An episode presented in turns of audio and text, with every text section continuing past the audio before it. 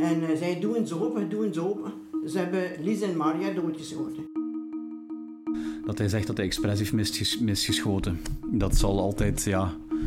Hij is niet veroordeeld voor expres mis te schieten, alleszins. Ik denk dat de leden van het VNV eh, zeer goed wisten dat ze eh, lid waren van een fascistische partij die antidemocratisch was. Het is makkelijker om iemand uh, pijn te doen die je niet kent, dan iemand pijn te doen in je, in uw eigen dorp, in je eigen gemeenschap. En zeker in Limburg van toen, hè, waar iedereen iedereen kende in een dorp.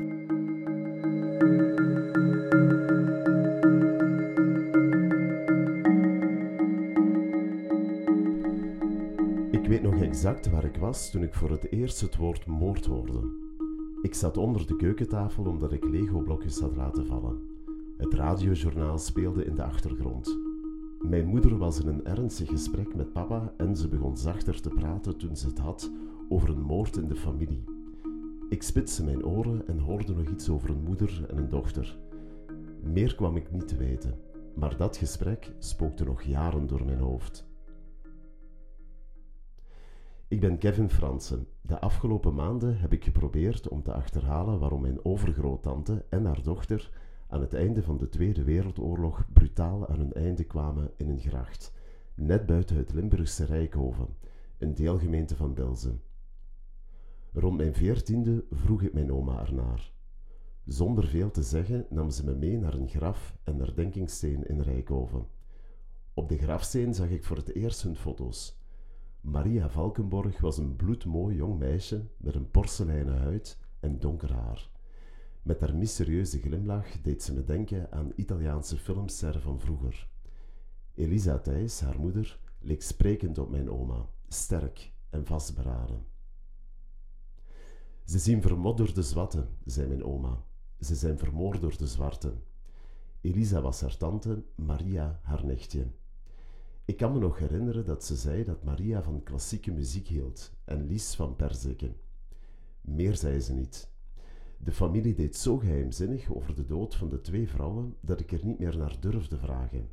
Nu, 75 jaar na hun dood, durf ik dat wel. Je luistert naar Maria en Elisa, Partisanen in het Verzet, een podcast van Radio Apache en Kevin Fransen.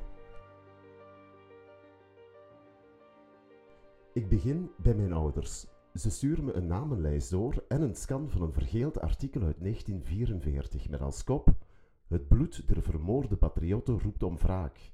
De ondertitel zegt De nalatigheid van het gerecht is een kaakslag voor ons volk. Dit lijkt een gerucht te bevestigen dat de ronde doet in het dorp. Volgens dat gerucht zou de zaak geclasseerd zijn onder passionele moord. De dader zou een oogje hebben gehad op Maria en haar daarom hebben vermoord.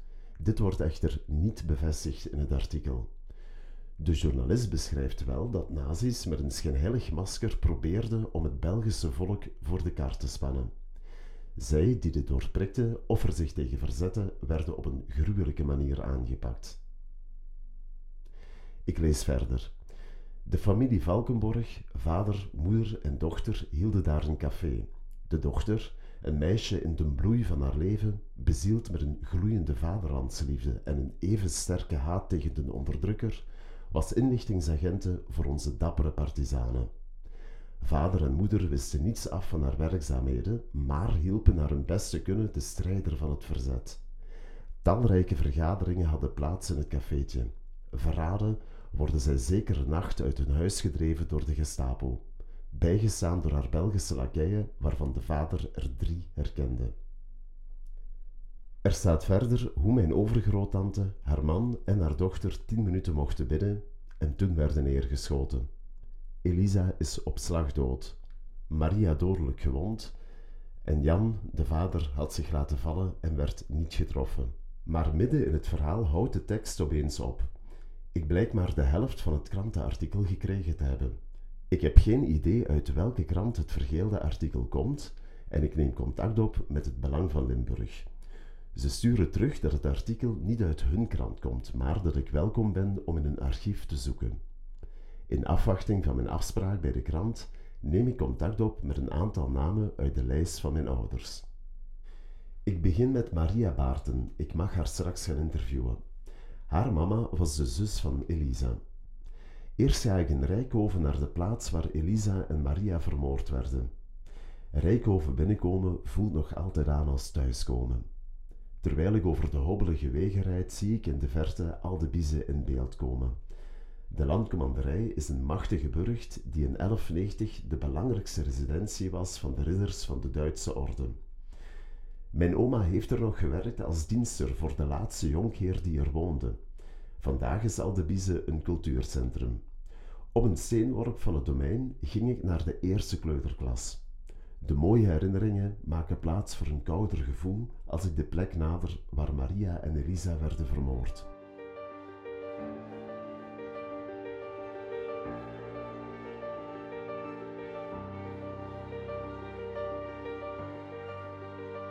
Plaats is gelegen op het einde van een verharde toegangsweg naar de boskam toe, waar ze dus eh, naartoe zijn gesleurd.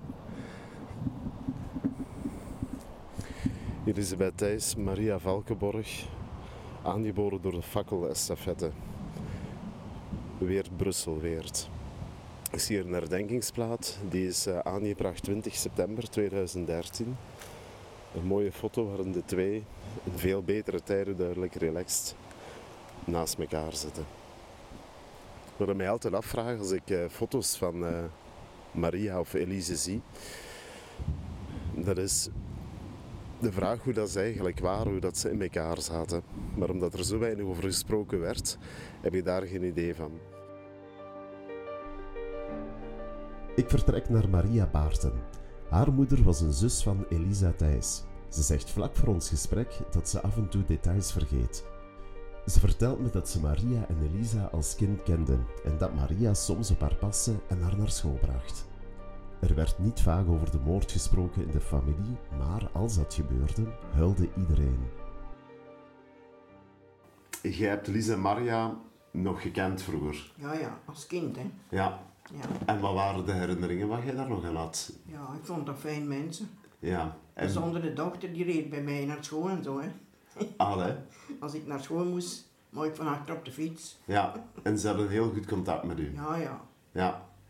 En eh, weet je nog waar je was toen je het nieuws had gehoord over een, eh, over een executie? Of, of, Dat weet ik niet. of heeft, werd daarover gebabbeld in de familie? Mijn moeder, ja, mijn moeder was de zus, hè. Mijn moeder was daar heel ondersteboven van, hè. Ja, Ja. maar, ja. Ik weet dat was begrafenis en zo, dat weet ik nog. Maar ja, ik was maar een kind, hè. Dat is negen jaar oud, hè.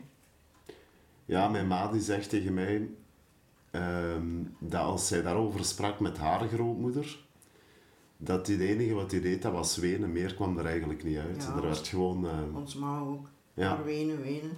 Mhm. ja. Dat is normaal, hè. Ja, ja, ja, dat is zeker normaal. Ons ma zus die kwam thuis alle dagen, hè. Ja, ja, die waren goed bevriend. En ehm, de, eh, de, de pa wordt verteld dat hij zich gaat laten vallen. Die is niet neergeschoten Nee, die is of die is niet- alleszins niet geraakt. Nee, die, die is zich laten vallen van de angst misschien ook, hè. En die is dan door het veld gegaan. Eerst op zijn voeten, op zijn handen en voeten. Want hij dacht, moest daar nog maar eens een beetje staan. En zo is hij naar thuis gekomen. hij heeft hem op de deur geklopt. Op een venster, want zijn ma sliep. Die sliepen onder. En hij zei, doe eens open, doe eens open. Ze hebben Lies en Maria doodgeschoten. En hij heeft hem thuis op zolder hij wou maar binnenkomen slapen. Mijn pa zei, nee, dat wil ik niet. Zien dat ze thuis komen, dan zijn we allemaal dood. Dan heeft hem thuis op de hooistal geslopen. ja. En San daar heeft mijn ma gezegd, ja, kunt u niet blijven, hè. Je moet maar naar uw familie gaan. En hij was van, van geloof door ergens, achter tongeren op. Ja. En is hem daar naartoe gegaan, hè. En wat is er achteraf nog met hem gebeurd? Dat weten we niet. Nee. Nee, dat weten we niet.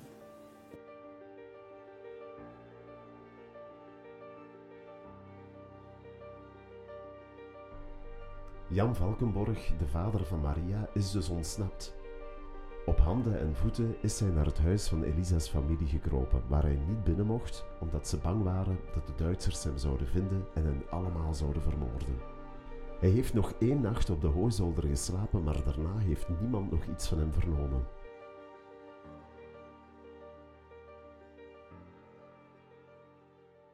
Het is tijd voor mijn afspraak bij het Belang van Limburg. Daar vind ik al gauw een artikel uit 2001. Het artikel kopt Moeder en dochter met een nekschot vermoord.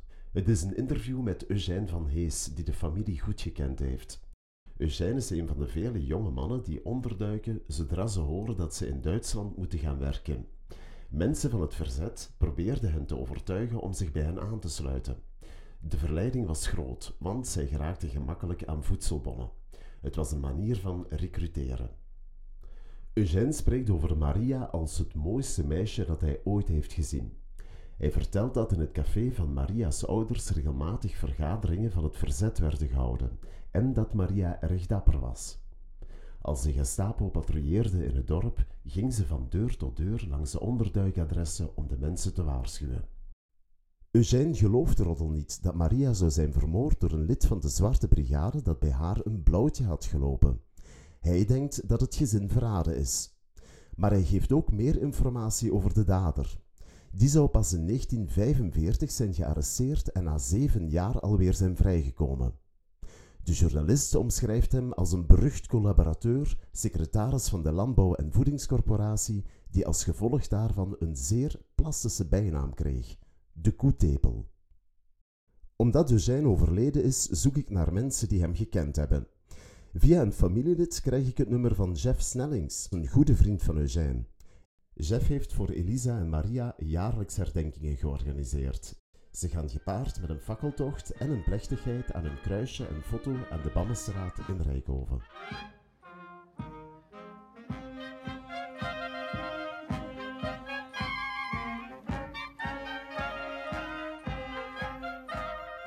Ik zit van 1999 mee in de organisatie. eh, en vanaf toen tot vorig jaar, zal ik zeggen, heb ik alle organisaties van de, van de fakkelen, gebonden aan herdenkingen aan het kruisje mee, mee georganiseerd. We leerden ondertussen dat Maria inlichtingsagenten was bij de partizanen. Wie waren die partizanen juist? Uh, partizanen was, uh, allee, om dat te, een beetje te proberen te omschrijven, was ook een verzetstrijder, meer een soort guerrilla-strijder, die eigenlijk de daad bij het woord voeren. Ja. Het verzet hier, gekend onder uh, de weerstanders, dat waren meestal de mensen die uh, plannen dwarsboomden, uh, maar daar ging, werden nooit geen levens in gevaar gebracht.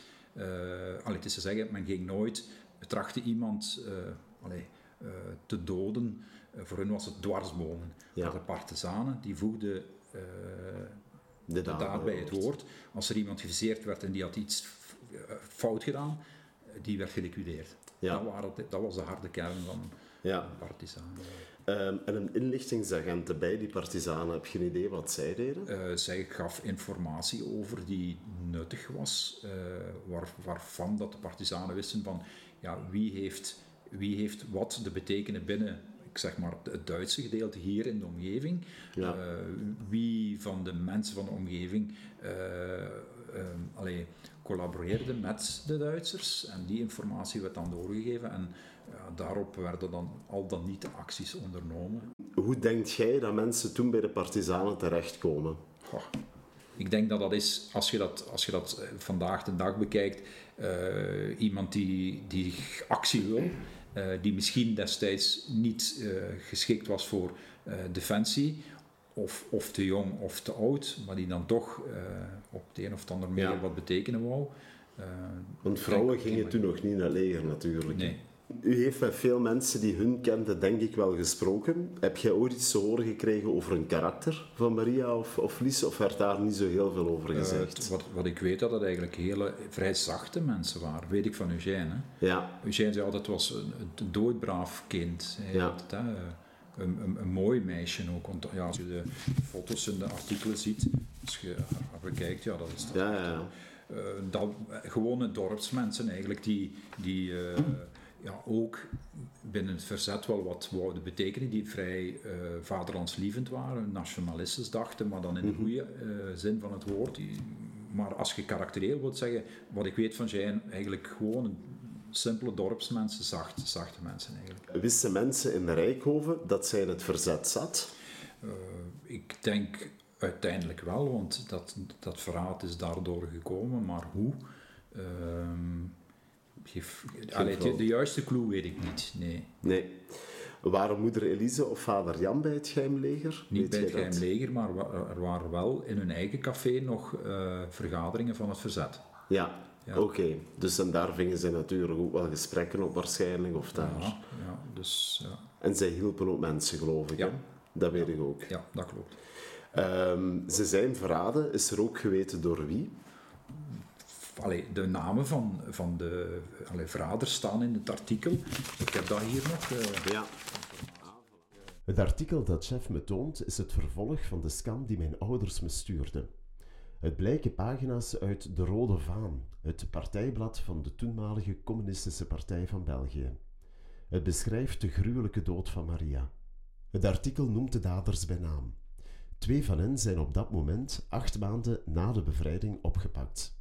De derde, een zekere Goffin, sloeg op de vlucht. Goffin blijkt de VNV'er te zijn die in Bilze bekend stond als de Koetebel. Jeff Snelling zegt dat de Zwarte Brigade niet alleen handelde.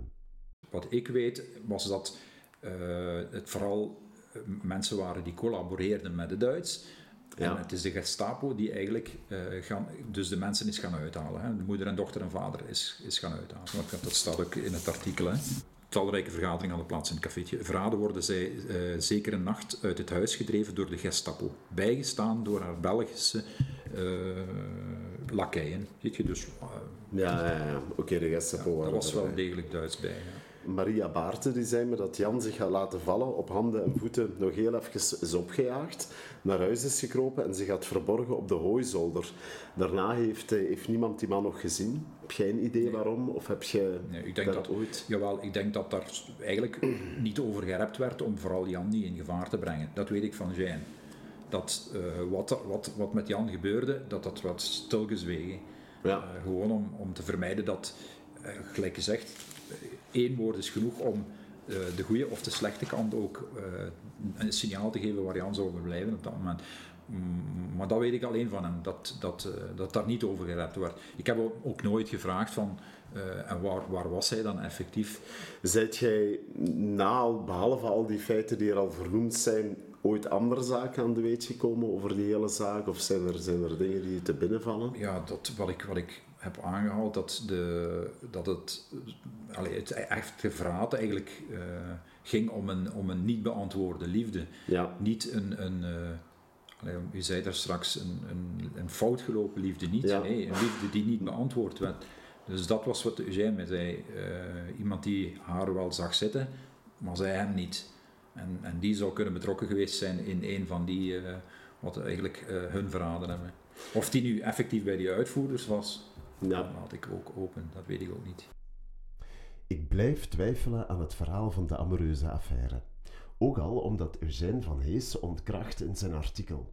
Volgens mij is het nog steeds een rol die de waarheid is geworden in veel hoofden. Of ben ik mis? Na lang zoeken vind ik eindelijk een ver familielid van vader Jan Valkenborg. Zij wil anoniem blijven. Ook volgens haar was er een affaire tussen Maria en de moordenaar. Ze zouden elkaar hebben leren kennen in een zogenaamd zwart café in Tongeren. Maria zou dit hebben gedaan om informatie los te krijgen van Hendrik Goffin, alias de Koetebel, de VNVR die in het interview met Eugène van Hees wordt beschreven als een beruchte collaborateur en de man die verantwoordelijk was voor haar dood. Toen Maria merkte dat Goffin intense gevoelens begon te krijgen, heeft ze afstand genomen. Dit veroorzaakte een obsessie bij de koetepel. Hij volgde haar overal. Dan zegt ze iets wat ik totaal niet zie aankomen. Volgens haar was Maria ook lid van het VNV en werkte ze als dubbelspion. Om haar werk te kunnen doen, zou ze in het Tongerse café zelf als dienster hebben gewerkt. Ik laat dit even bezinken en besluit mijn zoektocht zo onbevangen mogelijk verder te zetten. Ik contacteer een aantal archieven.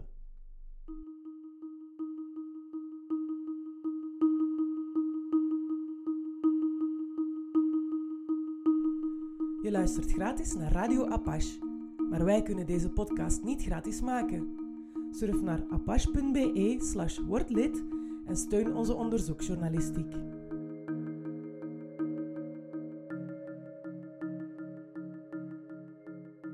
De eerste mail gaat naar het Rijksarchief. Dit archief bewaart in zijn verschillende vestigingen een massa documentatie over de Tweede Wereldoorlog. Net als ik zijn veel mensen op zoek naar de juiste bronnen om de geschiedenis van hun familie of dorp tijdens Wereldoorlog 2 te kunnen reconstrueren. De tweede mail stuur ik naar het ADVN, het Archief Documentatie en Onderzoekscentrum voor het Vlaams Nationalisme. Om meer inzicht te krijgen in organisaties als het VNV en de Partizanen, de Witte en Zwarte Brigades, ga ik te raden bij Timmy van Diepen. Hij is politiek en wedstraadsjournalist voor het Belang van Limburg en voert al jaren onderzoek naar de bijzondere situatie in Limburg tijdens de Tweede Wereldoorlog. Ik vraag hem waarom het toch zo moeilijk is om artikels terug te vinden uit die periode. Wel, het uh, Belang van Limburg is tijdens de Tweede Wereldoorlog gestopt met uh, verschijnen. Dus bij de Duitse inval is beslist om, om te stoppen met, met de publicatie van Belang van Limburg. Ehm, maar de persen van het Belang van Limburg, waarop de krant gedrukt werd, die zijn wel door het VNV, dus door de Vlaamse Nationalistische Partij eigenlijk, um, ja, opgeëist. Er is ook geld voor betaald om die te huren uiteindelijk. En die hebben daar hun eigen krantje opgedrukt. En dat is uiteindelijk in 1941 de toekomst geworden eigenlijk zeg maar het partijblad van het VNV in uh, Limburg. Hoe waren op dat moment de politieke verhoudingen in, uh, in Limburg? Wel, uh, je moet weten dat in Limburg, anders dan in andere provincies, het VNV heel sterk stond voor de oorlog. Hè. Dus 1 op 4 Limburgers stemde bij de laatste verkiezingen voor de oorlog voor het VNV. Dat had verschillende redenen. Um, een van de redenen was de aanwezigheid van de mijnen, hè, waar toch een Franstalige directie was die ja, die ook die Nederlandstalige eisen in Limburg uh, eigenlijk ja, aanwakkerde. Uh, en het VNV ja, spinde natuurlijk ook garen bij het aansluiten bij Nederlands en verder de groot-Nederlandse gedachte dat, uh, dat Vlaanderen en Nederland terug herenigd konden worden. Dat was toch in die streken, vooral Noord-Limburg en Maasland, ja, had dat ook wel wat succes. Um, dus tot daar het VNV. En aan de andere kant had je eigenlijk een heel sterke katholieke partij in Limburg. En die twee machtsblokken verdeelden eigenlijk alle postjes onder elkaar. Hè. Dus de socialisten en de liberalen hadden eigenlijk geen parlementsleden uh, in Limburg uh, voor de oorlog. Uh, en de communisten die waren eigenlijk zo goed als onbestaande, kunnen we zeggen. Ja, de Communistische Partij België bestond wel al, al jaren. Hè, maar in Limburg had hij, had hij toch wel moeite om, om ja, effectief van de grond te komen. En dat had natuurlijk als oorzaak dat uh, er in Limburg weinig zware industrie is. Uh, dat er in Limburg eigenlijk ja, weinig is om voor te vechten. Hè. Uiteindelijk is dat in de mijnen wel een beetje gegroeid. Maar als we kijken naar de, de groei in de Tweede Wereldoorlog van die communistische partij en ook van de partisanen, dan komt die toch oorspronkelijk eigenlijk uit het Luikse, waar hè, de, de steenkoolgebieden, maar ook de, de metaalindustrie en zo verder gevestigd is. En waar heel wat mensen uit Zuid-Limburg gaan werken en die dan terugkomen aan dat uh, communistische gedachtegoed, die, die geschooldheid in de vakbond enzovoort, die brengen ze mee naar Zuid-Limburg.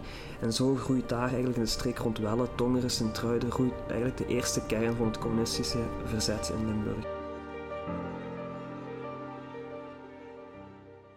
Timmy vertelt me dat er niet zoveel leden actief waren. In het begin ging het om een tiental. De partizanen, de gewapende communistische tak van het verzet waar Maria lid van was, werden actief rond 1941, na de Duitse inval in Rusland. In Limburg was dat veel later, pas vanaf 1943. Tegen 1944 telden ze ongeveer 80 leden. Je moet weten dat er uh, eind 43, begin 44 zware razzia's zijn geweest in Limburg tegen de, de partizanen, waarbij een, uh, een, een 24-tal partizanen zijn opgepakt. Uh, eh, 23 zijn er gefusilleerd in Brenum tegelijkertijd en één is opgehangen om een signaal te geven naar Limburg van kijk, dat toenemende geweld, dat kunnen we als Duitse overheid niet accepteren, die, die aanslagen op mensen en zo verder. Maar dat heeft eigenlijk net het tegenovergestelde effect gehad. We hebben gezien dat die partizanen wel even in vertwijfeling waren, april, mei 44, maar dan snel terug, en zeker na die day, 6 juni 44, dan groeit die uh, partizanenbeweging in Limburg snel terug aan. Ook omdat mensen zeggen van oké, we willen echt wel iets doen nu, hè, de geallieerden komen eraan. En die gaan dan met de partizanen, omdat dat de beweging is, de verzetsbeweging, die het meest directe actie voert. Hè. Die, uh, je hebt ook het geheim leger, hè, die iets ja, rechtser zijn, die ja, zich eigenlijk vooral klaarhouden voor de bevrijding. Hè, die zich, zich klaarhouden om de geallieerden te ondersteunen als die effectief eraan komen. Zich ook opwerpen als het, het, officiële leger in België, eigenlijk, het geheimleger. Dat vooral bestaat uit, het uh, oud-militairen. Maar de partizanen die hebben zich voorgenomen om de strijd eigenlijk meteen al te starten en niet te wachten op die bevrijding. Uh, die doen ook sabotages van spoorlijnen, uh, overvallen gemeentehuizen om daar uh, zegels en zo verder te stelen. Ehm, maar doen vooral ook acties tegen collaborateurs. Hè. Mm. aanslagen, gewapende aanslagen om verraders, al dan niet verraders, verklikkers uit te schakelen.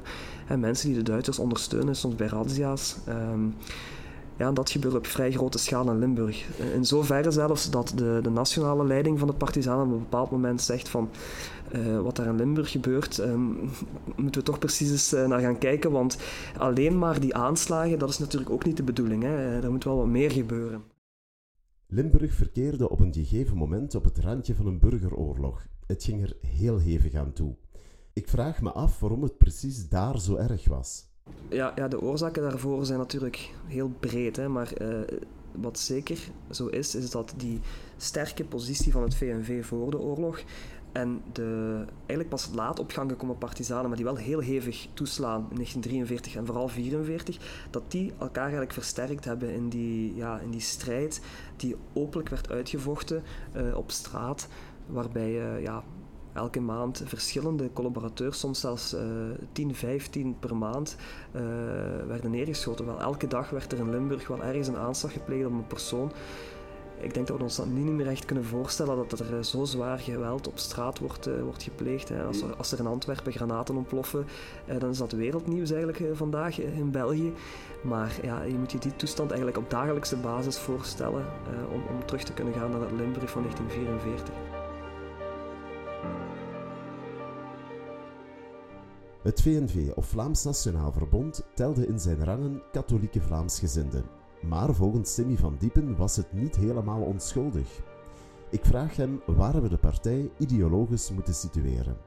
Wel, uh, het VNV is wel een fascistische partij. Hè. Ik denk dat de leden van het VNV eh, zeer goed wisten dat ze uh, lid waren van een fascistische partij, die antidemocratisch was, die eigenlijk ook de, de democratie zoals in de jaren 30 uh, ja, bestond, uh, werd eigenlijk verworpen door het VNV. Ze wilden een nieuwe orde oprichten, was een nieuwe ordepartij, net zoals de NSDAP in Duitsland.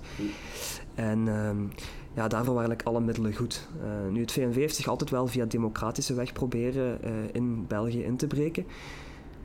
Uh, maar die partij had natuurlijk wel een fascistische kant. Hè, en dat zie je heel duidelijk naar voren komen vanaf het moment dat de Duitsers eigenlijk uh, België binnenvallen. En dat het VNV en zijn leider Staf de Klerk eigenlijk bijna van, vanaf de meet uh, zeggen tegen de Duitsers van oké, wij zijn de partij die willen collaboreren. Hè, als jullie willen samenwerken met ons, we zijn bereid om samen te werken. En de Duitsers gaan eigenlijk al zeer vroeg in 1940 op dat voorstel in. En het VNV belandt eigenlijk razendsnel in die collaboratie, heel gewild.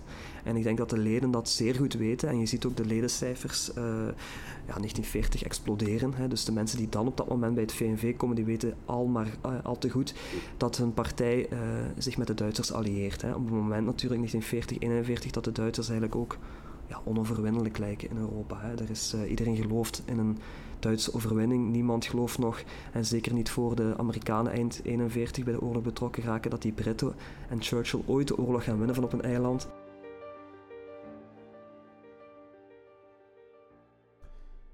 Ik wil meer weten over de koetepel. Daarom bezoek ik Maurice Thijssen. Hij schreef een boek over executies in het gemeentebos Hechtel en zegt dat hij meer informatie heeft over de daders. Ik krijg onder meer info uit oude Rijkswachtarchieven te zien. Maurice legt een stevige bundel op tafel. Zo lees ik een uitgebreid profiel over Goffin. Hij is soldaat geweest in het Belgische leger, maar werd ontzet wegens verraad.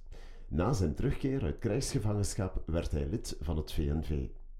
Tijdens de bezetting is hij het voorwerp geweest van verschillende aanslagen door het geheim leger omdat hij lid was van de Zwarte Brigade en in die hoedanigheid de Duitsers hielp in hun politiediensten. Hij noemde zichzelf zwarter dan zwart en begon en eindigde zijn dag met de Hitlergroet. Een van de andere daders was Maurice Teunis. Hij was leider van die Zwarte Brigade. Hij was ook lid van het VNV, medewerker van het partijblad De Toekomst en persleider van Volk en Staat, een ander partijblad van het VNV. De moord op Elisa en Maria werd uitgevoerd met goedkeuring van Hansen, oorlogsburgemeester van Bilzen.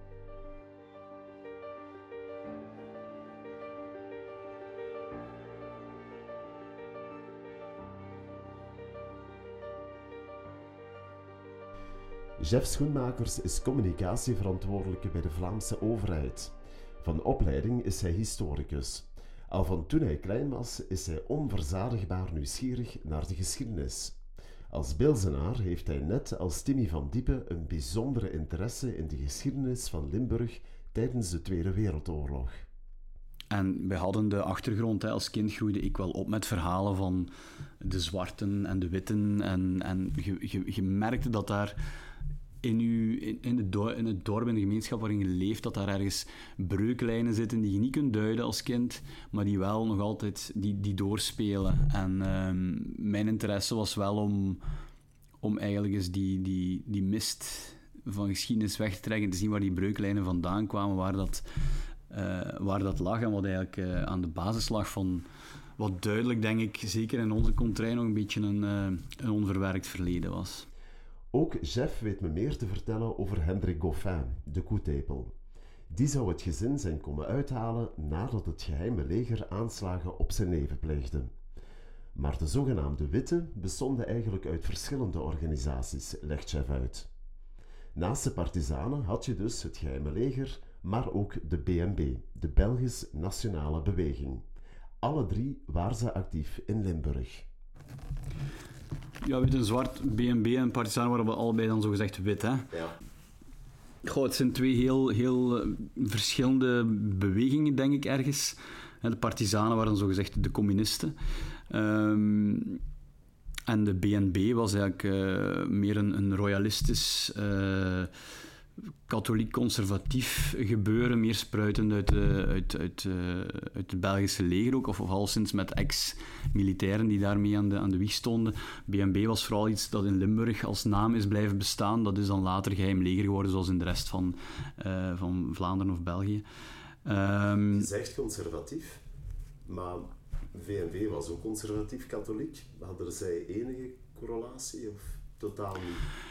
Uh, het is wel zo, dat zie je dan op lokaal uh, vlak in sommige verenigingen, dat er verenigingen waren die, die bijvoorbeeld van oud-strijders, waarin je die twee strekkingen in één vereniging had. De Nationaal Oud-Strijdersbond bijvoorbeeld, waar je, die twee strekkingen verenigd waren, die ook nooit gesplitst zijn. Dus waar die, zowel die Vlaams-gezinde kant als die Belgicistische kant toch zijn blijven bestaan. Dus er was wel een link, namelijk dat het, het oorlogsverleden van de Eerste Wereldoorlog of... Um, ja, dat, dat katholieke aspect, hè, want VNV, dat waren ook gewoon brave, goede katholieken, maar die waren gewoon Vlaamsgezinder dan, uh, dan de klassieke uh, uh, christelijke partij of de katholieke partij. dus die, die, die, die, ver, die vermenging of die verstrengeling was er zeker wel. Um, maar ja, ik denk dat het, het verschil vooral is, ja, gericht op België of gericht op een, een onafhankelijk uh, Vlaanderen. Mm. Daar wat mee zit. Of hoe, hoe fel men die Vlaamse zaak wilde bevechten of niet. Um, wat betreft BNB en Partizanen, BNB um, ehm, was de grootste of was de belangrijkste verzetsbeweging in, in, in Groot-Bilzen alvast. En ik denk ook in Limburg, en ik ben wel zeker ook in Limburg. Uh, het is een verzetsbeweging die als finaliteit had eigenlijk om um, de, te wachten op de bevrijding, om dan een soort van uh, ordemacht te zijn die eigenlijk de bevrijding en, en als erna ordentelijk liet verlopen, die misschien ook ondersteuning zou bieden bij de geallieerden uh, als de Duitsers moesten bestreden worden of moesten weggejaagd worden of weg waren. Dat, dat, was hun finaliteit. Dus troepen opbouwen, ondertussen wel wat inlichtingen en zo doen en zich voorbereiden eigenlijk op het moment of de dag van de bevrijding. Um, dat is een heel ander verhaal bij de partizanen. De partizanen uh, opereerden onder de slagzin bezetter buiten. Dus bij partizanen was het doel, en dat stamt uit een, een uh, bevel of een edict van Stalin uit 1942, uh, eh, die zei dat toen die, dat jaar het jaar van de overwinning moest worden. Dat is ook door de communisten in het buitenland overgenomen als we, moeten die, we moeten die Duitsers, we moeten de nazi's en iedereen die ermee samenwerkt verjagen, het leven zuur maken, terroriseren, uh, het zo moeilijk mogelijk maken. En dat, dat veronderstelt een veel actievere uh, politiek en activiteit uh, naar de bezetter toe. En dat vertaalt zich dus in dit geval dan in aanslagen. Hè. Dus als we kijken naar de... Ik heb alleen voor Groot Bilze de, de, de situatie onder de loep genomen, maar daar zie je dat het BNB veel later begint aan uh, ja, echt fysiek geweld tegen collaborateurs of Duits, ja, geen Duitsers, collaborateurs, dan, dan de partizanen, die daar veel eerder mee beginnen. Bij het BNB begint dat zo, wordt die activiteit vooral hoger na die day, na 6 juni 44. Jeff Schoenmaker schetst geen al te fraai portret van Hendrik Goffin. Dus Hendrik Goffin was uh, secretaris van de Landbouwcorporatie, uh, lid van het VNV en van de Zwarte Brigade. Uh, hij was eigenlijk zeer gevreesd en zeer onpopulair in, in Rijkoven en omgeving. Um, was redelijk fanatiek, dus hij was betrokken bij... Um, dat heb ik uit, uit, dossiers, uit documenten en uit, uit interviews. Hij was betrokken bij de arrestatie van verschillende BNB-leden, zoals een razzia op 4 juni. Uh, en de arrestatie van Jean Motte, dat was een van de belangrijkste BNB-leden in, in, een deelgemeente van, van Bilze, Martenslinde. En, en die is gearresteerd in november 1943.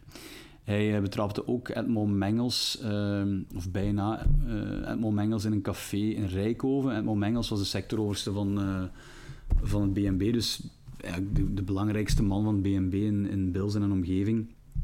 Samen met, uh, met zijn uh, broer Albert Mengels. Dus die, dat was iemand die, die gevreesd en gehaat was omwille van zijn, zijn fanatieke houding en ook van zijn actief uh, ja, tegen dat verzet ingaan. maar ook in hoe hij omging met zijn functie rond. ja, ik denk dat hij ergens mee verantwoordelijk was in het kader van voedselbedeling enzovoort. Dus als je daar je heel hard in opstelt dan uh, kun je niet verwachten dat je, dat je erg geliefd bent bij de bevolking. Um, maar hij legde dus ook dat verzet het vuur aan de schenen. En voor het BNB was het dus voordeliger dat Goffin zou verdwijnen. Um, dat er plannen in die richting waren, is denk ik duidelijk bewezen. Hè. Er zijn twee aanslagen op hem gepleegd. Um, en dat hebben we ook wel kunnen terugvinden. Ik heb dat zowel uh, teruggevonden of, of moet ik zeggen, dat is wel gebleken uit gesprekken die ik heb gehad met sectoroverste Mengels. Van bon, uh, Goffin die moest, die moest uh, verdwijnen, die moest uit de weg geruimd worden. Ze hebben dat geprobeerd. Dus ze nemen daar ook, uh, hij nam daar ook de verantwoordelijkheid voor op. en anderzijds zit je er ook in erkenningsdossiers, dus die na de oorlog moeten ingediend worden om aan te tonen dat je echt bij de weerstand bent geweest. is er een erkenningsdossier van een zekere Snellings die ook zegt van ik heb in, mei en juni 44 ergens de woonplaats, zoals hier staat, van Gestapo Goffin aangeduid aan een zekere meneer Colson. Dus daar, uh, die was gehaat, die was, op de die was gevaarlijk voor het BNB en die was ja, op de radar ook om, ja, om te liquideren, zoals ze dat dan zeggen. Hè. De pogingen om Goffin uit te schakelen mislukten meermaals. De laatste was in de nacht van 11 op 12 augustus, één dag voor de moord op Elisa en Maria. Uh, wel zijn twee aanslagen geweest, hè. eentje eind juli. Dan hebben ze, op hem, uh, hebben ze hem beschoten. Uh, daar is hij licht gewond geraakt en heeft hij teruggeschoten en zijn aanvallers op de vlucht geslagen. Ehm, daar weten we niet wie het was. We weten wel dat het, allee, heel waarschijnlijk is het de opdracht van, of in de opdracht van BNB gebeurd. Um, de tweede aanslag, of de tweede poging, was de nacht van 11 op 12 augustus. dan is er een granaat binnengegooid bij hem. Uh, en die is niet ontploft, of die is niet ontploft in zijn slaapkamer alleszins. Dus hij is daar met de schrik uh, vrijgekomen. Dat heeft natuurlijk wel een zware indruk gemaakt. Hè. Dat was ook een order van BNB, die ja. aanval. Ja. Maar hij heeft dan gedacht, waarschijnlijk, dat is hier niet het BNB, dat zijn de partizanen die mij uit de weg proberen ruimen. Omdat de partizanen ook redelijk gewelddadig waren in die periode, of niet? Ik denk, eerlijk gezegd, ik denk eerlijk gezegd niet dat, dat, er, dat mensen kunnen een onderscheid maken tussen BNB en partizanen. Misschien dat uh, de kaders binnen die verzetsgroepen dat wel deden, maar ik denk dat voor iemand als... Ik kan niet, uiteraard niet in, in, iemand zijn plaats spreken, maar dat voor iemand als Hendrik Goffin, van Henri Goffin, dat geen... Uh, dat dat geen, geen verschil was. Dat waren gewoon de witte, dat was, dat was het verzet, dat waren gangsters. En uh, of die nu bij de BNB, bij de partizanen waren, waarschijnlijk noemden ze die allemaal partizanen of noemden ze die allemaal de witte gewoon. Dus um, ik denk dat zij daar gewoon, ja, zoals zo vaak ging die dorpen van horen zeggen en, en uh, ja, mond aan mond van het schijnt dat, het schijnt dat die dit, het schijnt dat die dat. En dat, hij, uh, dat die mensen gekozen zijn, dat die familie gekozen is, waarschijnlijk omdat er sprake was van ja er zullen dingen opgevangen geweest zijn van hè, de, dochter, uh, de dochter doet inlichtingen voor het verzet of de moeder doet dit voor het verzet. Um, en zijn ze daar slachtoffer geworden van, van, van dat eigenlijk, van, van praatjes.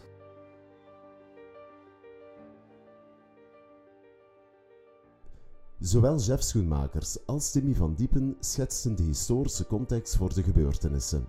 Want niet alleen de activiteiten van Maria en Elisa, of zelfs een liefdeshistorie, als die er al was, speelden daarbij een rol, vertelt Timmy.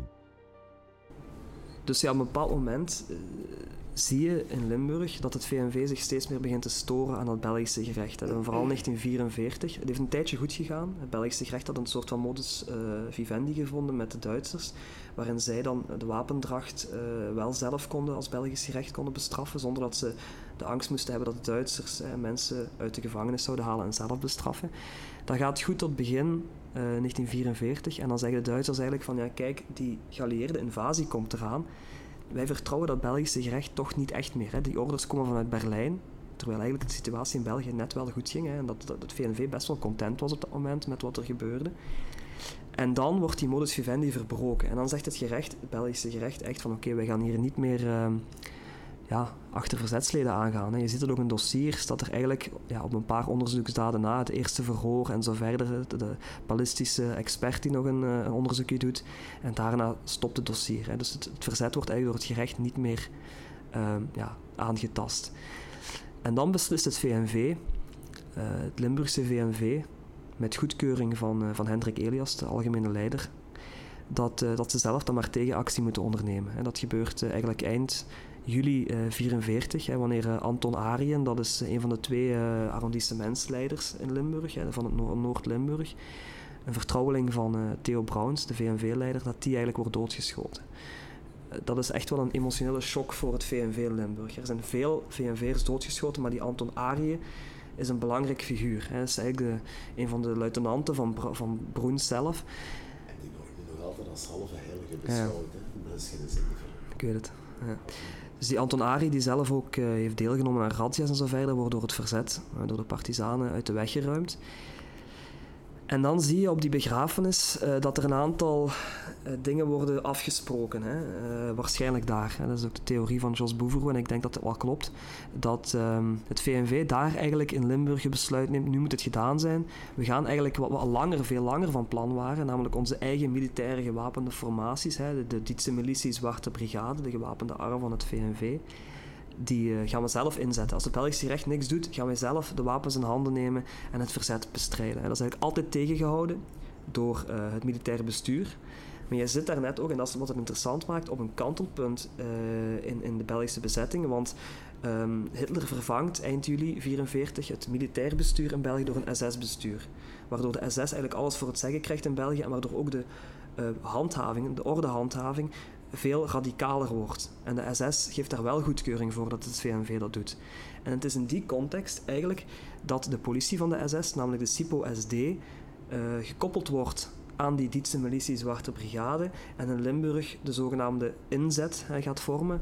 Uh, een, een, vijftal politiegroepen uh, die ze eigenlijk eind juli, begin augustus vormen. Hè. Dus er wordt een Hasselt een vergadering georganiseerd waarop Max Gunther, een van de topmannen van de SD in België, echt wel een van de, van de meest ja, uh, radicale figuren. Dus echt een, een Belg trouwens, Emiel van Tielen, hè, een Duitse schuilnaam is Max Gunther. Die komt naar Hasselt om dus dat verzet te bestrijden. Die heeft echt wel ervaring met het communistische verzet te bestrijden. En hij wordt dan gekoppeld aan een zestigtal um, VNV'ers die zich vrijwillig hebben opgegeven om die politiegroepen te gaan vormen. dus dat is een, een, café Het Haaskin in Hasselt wordt die uh, vergadering belegd. Theo Brouwens geeft daar uitleg wat er moet gebeuren. Lode Huigen, de chef van uh, de Zwarte Brigade in Limburg, en dat waren vaak oude politieagenten of mensen die hun job waren zelf niet echt? Nee, dat waren, dat waren gewoon veel... Er waren sommige politieagenten bij, die zelfs politieagent waren tijdens de bezetting. Maar de meeste waren VNV-militanten die zelf ook vonden dat het nu maar eens gedaan moest zijn. Ja, ja, ja. ja. want je ziet een, een zestigtal, dat is nu niet, zijn ook geen grote aantallen. Nu, ze hadden ook niet echt uh, geweldig wapenarsenaal. Hè. Dus die groepen hadden elk uh, één machinegeweer een aantal revolvers en een aantal fietsen. Dus en die werden dan naar de, de vijf meest kritieke punten gestuurd in, in Limburg. En één daarvan was Bilzen. dus die, die VNV-politiegroep Bilzen, die heeft daar dan ja, zich eigenlijk ja, bekommerd om de veiligheid ook van de VNV'ers, die ze, moesten beschermen, maar vooral ook door uh, wegcontroles uit te voeren, paspoortcontroles, uh, op zoek te gaan naar, uh, vooral communistische verzetsleden. dat was de, de, echte bedoeling, want op die vergadering werd gezegd door Max Gunther, we gaan niet het geheim leger bestrijden, dat is niet onze grootste vijand, we moeten ons richten op die communistische verzetsleden, op die partizanen. En dan is, ja, vanaf begin augustus zijn die over heel Limburg uitgezwermd. En dat is eigenlijk de directe aanleiding van, van wat er eigenlijk in, het geval van uw familie gebeurd is. Want als die politiegroep niet in Bilze was geweest, had Hendrik Goffey zich er niet toe, kunnen wenden en had hij waarschijnlijk ook niet genoeg steun gehad of niet genoeg rugdekking gehad om die actie te kunnen uitvoeren.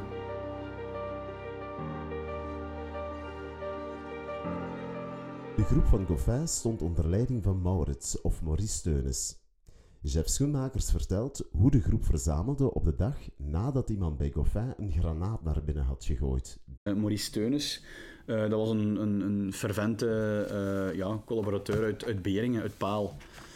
Um, en dan een aantal mensen, eigenlijk voornamelijk uit het Hasseltse of Noord-Limburg. een minderheid, ik denk slechts twee of drie mensen uit, uit Bilze zelf. wat wel ook opvallend is. Hè. Dus, dus veel van die en dat zie je zowel bij contraterreur, zoals we dat dan noemen, de, de acties van die politiegroep, als de terreur, hè, de, de acties van de verzetslui, merk je dat um, de zwaarste daden gebeurd zijn uh, niet door mensen binnen de eigen gemeenschap, maar door mensen van buiten de gemeenschap. Dus het is blijkbaar makkelijker om iemand, het is makkelijker om iemand uh, pijn te doen die je niet kent, dan iemand pijn te doen in je in uw eigen dorp, in uw eigen gemeenschap. En zeker in het Limburg van toen, hè, waar iedereen iedereen kende in een dorp. Hm. Heeft Hendrik Hoffijn haar zelf doodgeschoten, de familie? Of weet je daar details over?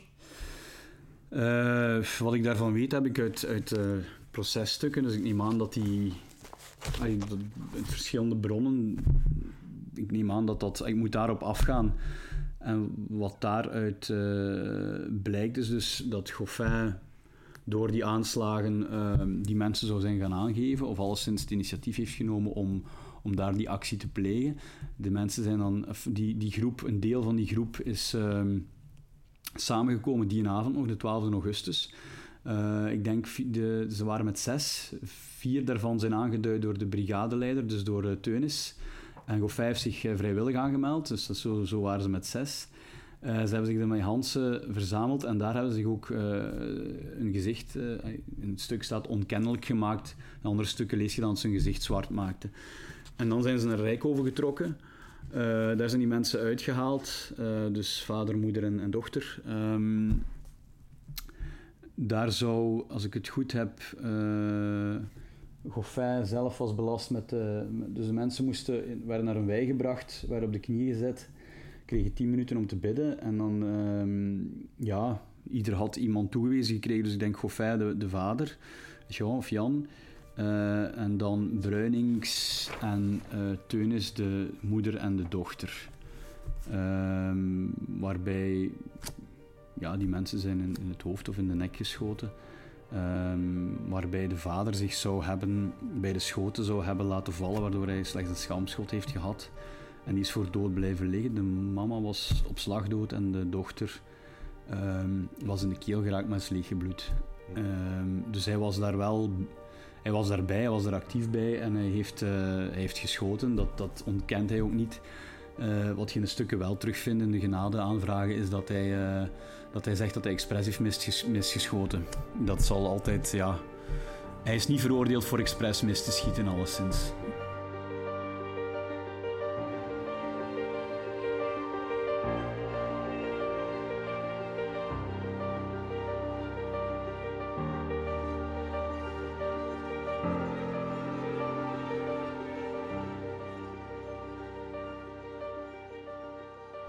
Het is me nu wel duidelijk wat er met Maria en haar moeder is gebeurd.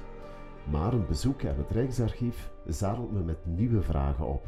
Jan Valkenborg, die van de aardbodem verdwenen leek, heeft jaren later geprobeerd zijn vrouw en dochter te laten erkennen als politiek gevangenen en als leden van het gewapende verzet. Ik wil weten waarom. Ik wil ook weten waarom zowel de witte als de zwarte kant spreken van een gerechtelijke dwaling. Ik vind in het archief bovendien een getuigenis waarin staat dat Maria wel degelijk lid was van het VNV. Ik vind er een akelige gedachte en ga praten met een Vlaams nationalist. Ik zoek contact met Jan Peumans, N-VA-politicus en Vlaams parlementsvoorzitter op rust.